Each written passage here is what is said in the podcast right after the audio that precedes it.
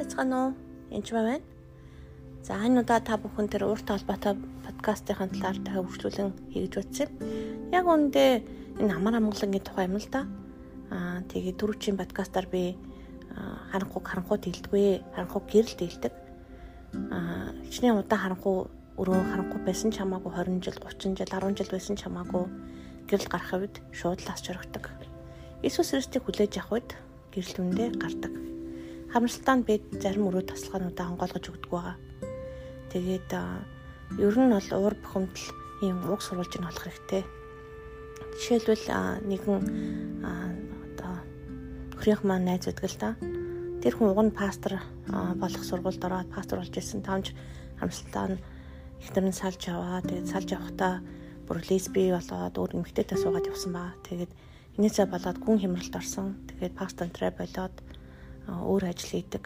Тэгээ тэрнээсээ болоод нэлийн асуудалтай яг ихнэрнийхэн тухай дуртай үед л шууд л нүд ам эвгүй болж хуурдаг ууртаа бухимдалтай а тэгээд тэрнээс болоод маш олон өвчнөд бас нэрвэгдсэн байдаг. Тэгээд энэ Өний хувьд хүмүүсээ уучлах чадаагүй бүр гомдол нь хөндлөгдсөн байна. А эсвэл нэг ээжтэй аавдаа ч юм уу салсан сарсан нөхөртөө зодсон хүмүүстэй ч хэмчлэн гомдсоосоо болоод ур бухимдалтай буй тухайн хүнийг ярих ч юм уу бодох үед ур бухимдал гарч иж байгаа л уучлах хэрэгтэй гэсэн үг. А харин уур маань зүгээр төрөлхийн ууртаа буюу арай жахан хүмүүсээр л цөс ихтэй хүн ч юм уу бус хүмүүсэд гадуул их огцом уурладаг ч юм хурдан юмд уурладаг эсвэл тийм бас байж бас болно. Тэр тохиолдолд тас хүнсээр өсчөөж ур бухимдлаа тавдаг байгаа.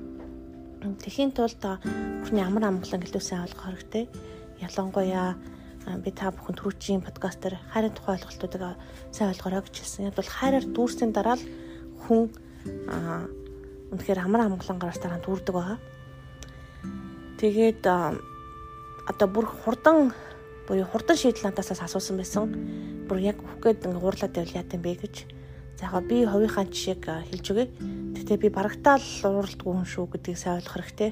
Үнэхээр ядраад, үнэхээр а одоо хэцүү байхад ч нэг уурлахаа болцсон одоо анхандаа бол магадгүй 7 оны үе алдад бол ер нь жоохон огцон муртаан төр байсан тохиолдол байдаг. Тэр шудраг бус юмд бол уурнтэй ч хүрдэг. Тэр бол нормал энэ бол энгийн зүйл.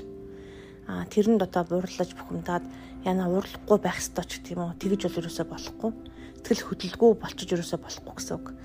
А харин шудраг бус юмд уурлах нь зүгээр энгийн үзэгдэл байхгүй юу? А тэгвэл урлагч гим нүгэл үлдэхгүй байх хэрэгтэй бид нар. А харин одоо яг одоо шийдэл гэх юм бол за одоо үнэхээр болохгүй хүн хатгасаар агаад нүүдч гсэн одоо арзан гэдэг шиг уурлаа уурлах гэх юм тохиол гарах юм бол би яа гэм бэ гэхээр амьсгаагаа 23 гэж аваад тэгээ гүн амьсгаа аваад тэгээд титмээ өмсдөг байгаа. Аа тэгээд титмээ өмснө гэдэг нь болохоор яг Иесус айж удачаад титмээ өмсөд цэг зогсдог байгаа.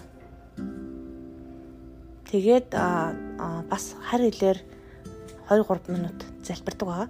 Ер нь хар хэлээр нэг 3 минут залбирахад л уур уцаар нь галга болдог байгаа. Аль болох уурлах гэж юм уу төмөрдөх аюултай учраас гэр орныхноос хол байх хэвээр би бол шууд гараа явах юм уу эсвэл өдөр зураг зурдаг ч юм уу эсвэл ямар нэгэн байдлаар хаалга хагаад нэг өрөөнд ордог. Тэгээ тайвшраад амьсгалаа аваад Есүсээ гэж хэлээд тэгээ хар хэлээр шууд залбирдаг. Харь хэлээр нэг 3 минут бол орчим залбирахад таны урах зар алга болдог ба. Хэрвээ та харь хэлтэй бол тэгвэл сайн. Үнэ харь хэл байхгүй бол харь хэлгүйгаараа аа тэгээд ур уцаарыг одоо одоо үргэлж ингэн бол гэж бол байхгүй. Хаяада одоо амьдралд болох гэж байгаа хориг тохиолдол тэгж хэлнэ.